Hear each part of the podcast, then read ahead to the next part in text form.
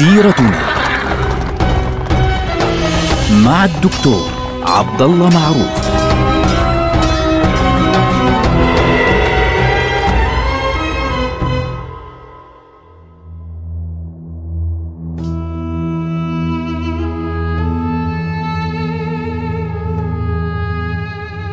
السلام عليكم ورحمة الله وبركاته.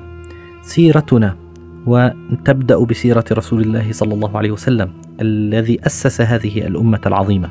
أسلم حمزة بن عبد المطلب وأسلم عمر بن الخطاب رضي الله عنهما في السنة الخامسة للبعثة. وبالتالي انتشرت الأخبار. هز اهتزت قريش بهذا الخبر. ووصل الخبر يعني حتى انتشر إلى وين؟ لا وصل لا الحبشة. لكن وصل الحبشة بطريقة مختلفة المسلمين اللي هاجروا الحبشة الأوائل وصلهم إنه والله مكة أسلمت وكل الدنيا بخير وانتهى الأمر. أسلم عمر وأسلم حمزة وأسلمت مكة كلها. فبدأوا يعودون. طبعا قريش كان ردها على إسلام حمزة وإسلام عمر إنه يعني بدهم يشتدوا في عداوة النبي صلى الله عليه وسلم حتى يثبتوا أنهم قادرون على أن يعني يقطعوا أمر النبي صلى الله عليه وسلم. فلما اقترب هؤلاء الصحابة اللي, اللي رجع منهم إلى مكة المكرمة سمعوا أن الخبر مش صحيح لم تسلم قريش وأن الخبر أخطر من ذلك أن قريش اشتدت أكثر في عداوة رسول الله صلى الله عليه وسلم. لذلك بعضهم دخل وبعضهم اشتد عليه العذاب كثيرا خاصة لما اكتشفوا أنه من الذي أسلم. يعني لما طلعوا صفين صار الناس تعرف مين أسلم وإلى آخره. فعند ذلك اشتدوا في عداوتهم فأذن لهم النبي صلى الله عليه وسلم بالهجرة للمرة الثانية إلى الحبشة. في هذه المرة النبي صلى الله عليه وسلم كان له قصد أنه بده يعمل إيش بدنا نسميها؟ قاعدة احتياطية أساسية للمسلمين خارج الجزيرة العربية. فلذلك أرسل معهم جعفر ابن أبي طالب ابن عمه. طبعا جعفر من أشبه الناس برسول الله صلى الله عليه وسلم. كان يشبه آه، شكله كان يشبه شكل النبي صلى الله عليه وسلم أيضا. وفي نفس الوقت كان النبي صلى الله عليه وسلم يقول له أشبهتني خلقا وخلقا كمان. فأرسله معهم. هذا دليل على أنه جعفر طبعا ابوه أبو طالب قطعا لا كان يعذبه ولا كان شيء ما هو كان يحمي النبي صلى الله عليه وسلم. فالنبي صلى الله عليه وسلم كان يهمه أن يكون هناك مجموعة بشرية موجودة في الحبشة لأهداف كبيرة وكثيرة جدا استراتيجية مهمة جدا.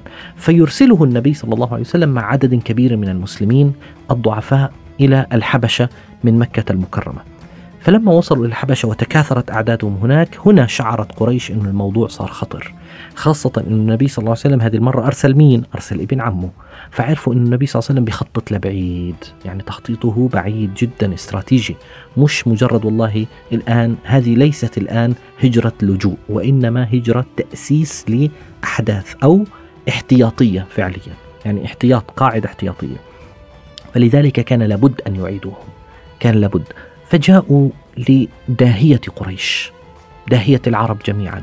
عمرو بن العاص رضي الله عنه كان لسه على الشرك في ذلك الوقت وقالوا له يا عمرو أنت واحد آه، ذكي ولك تجارة في الحبشة وبتعرف هذول القساوسة اللي هناك والتجار وكان يدخل على الملك أصلا كان يدخل على الملك دائما.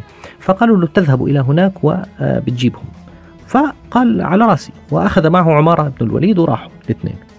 فلما وصل إلى الحبشة شوف كيف آه، عمرو بن العاص ذكي. قبل ما يطلع جمع أكثر الأشياء التي يحبها الملك اللي هي إيه؟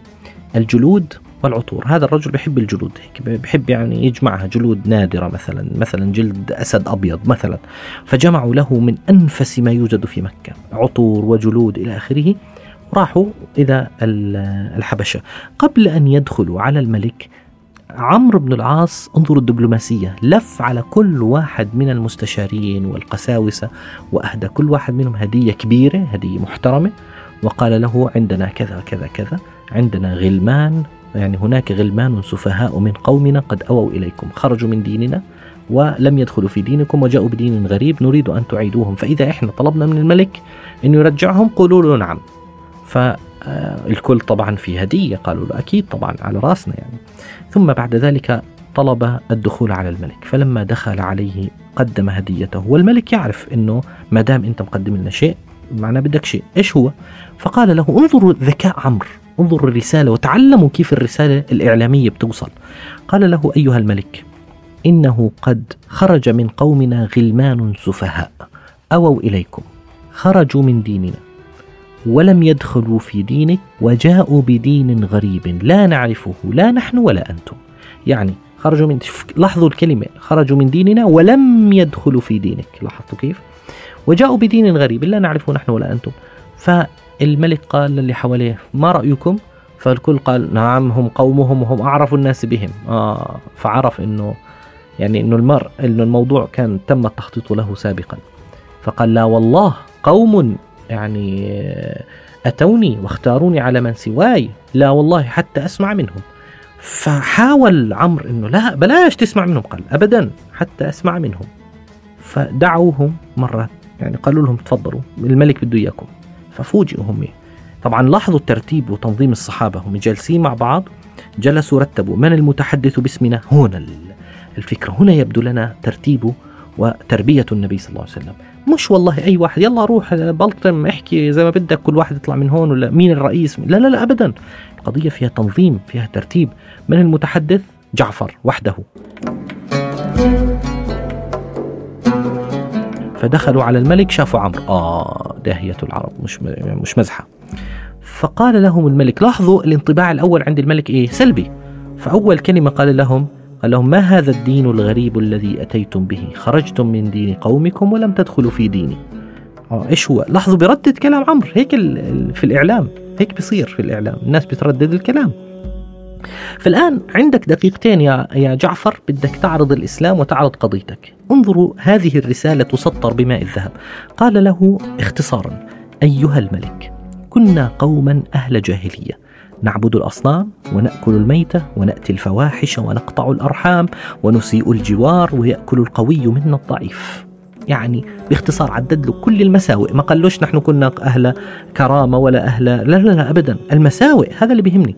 ثم قال له فكنا على ذلك حتى بعث الله إلينا رسولا منا نعرف نسبه وصدقه وأمانته وعفافه. فدعانا إلى الله لنوحده ونعبده ونخلع ما كنا نعبد نحن وآباؤنا من الحجارة والأوثان. وأمرنا بصدق الحديث وأداء الأمانة وصلة الرحم وحسن الجوار والكف عن المحارم وحقن الدماء ونهانا عن الفواحش وقول الزور وأكل مال اليتيم وقذف المحصنات. لاحظتوا إيش قال؟ بكل بساطة. ثم قال فصدقناه وآمنا به واتبعناه على ما جاء به من عند الله. فعدا علينا قومنا وعذبونا وفتنونا عن ديننا. فلما ظلمونا وقهرونا وضيقوا علينا خرجنا إلى بلادك واخترناك على من سواك ورغبنا في جوارك ورجونا ألا نظلم عندك أيها الملك. رسالة في غاية البهاء والجمال. عدد مساوئ الشرك عدد حسنات الإسلام عدد طبعا الإسلام كله حسنات وعدد إيش اللي صار وإيش مشكلتنا؟ ثم في النهاية مدح الملك قال له إحنا اخترناك على من سواك فقال له من قال لكم تيجوا عندي؟ قال له محمد قال لنا اذهبوا إلى الحبشة فإن فيها ملكا لا يظلم عنده أحد. فقال هؤلاء الغلمان السفهاء يا عمرو اذهبوا أنتم أحرار في أرضي أهلا وسهلا ومرحبا. فعمرو بن العاص في اليوم التالي ما استسلم يعني مشكلة فضيحة إذا رجع لمكة. فرجع للملك قال له أيها الملك إنهم يقولون في المسيح قولا عظيما خطير. يعني جاءه في أخطر نقطة في دين المسيح. قال إيه ماذا يقولون؟ قال إنهم يقولون إنه عبد. بس نقطة مش عبد الله لاحظت؟ عبد اللي هي أسوأ كلمة ممكن تقال. فدعاهم مرة ثانية. فلما دخلوا على الملك قال لهم ما تقولون في المسيح؟ آه مشكلة. أبدا مش مشكلة. قالوا نقول فيه ما قال نبينا. ما جاء به نبينا. لاحظوا الآن قالوا الكلمة كلها. مش عبد فقط هو عبد الله ورسوله وكلمته ألقاها إلى مريم وروح منه. شفتم أجمل الكلام هل معك مما جاء به نبيكم شيء؟ فقال نعم نعم. فقرأ عليه من سورة مريم. فالملك بكى وبكى كل من حوله. ثم قال يا عمرو والله لا أسلم إليك هؤلاء ولو بجبل من ذهب. فوالله ما أخذ الله مني الرشوة حين رد علي ملكي لأنه في فترة صار عليه انقلاب أو كان يعني صاير عليه انقلاب وفشل الانقلاب. فقال ردوا عليه هديته لا حاجة لي بها. ثم قال اذهبوا فأنتم شيوم بأرض شيوم يعني سلام أنتم سالمون في أرضي. من سبكم غرم كررها ثلاث مرات. من سبكم غرم يعني أي واحد عقوبة يغرم إذا سبكم أو شتمكم. وهكذا عاش المسلمون في كنف هذا الملك العظيم هذا الملك العادل الحقيقي. وعاد عمرو بن العاص مش عارف شو بده يعمل. رجع لقريش وهو مصدوم فصدمت قريش أكثر. النبي صلى الله عليه وسلم يتقدم وهم يتأخرون يبادر وهم يردون الفعل. ونصف النصر أن تبادر ولا تكون أنت الذي يرد الأفعال وإنما أنت الذي تصنع الفعل. نلقاكم على خير. والسلام عليكم ورحمة الله وبركاته.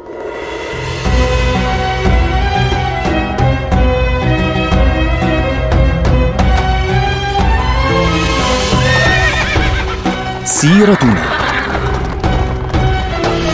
مع الدكتور عبد الله معروف.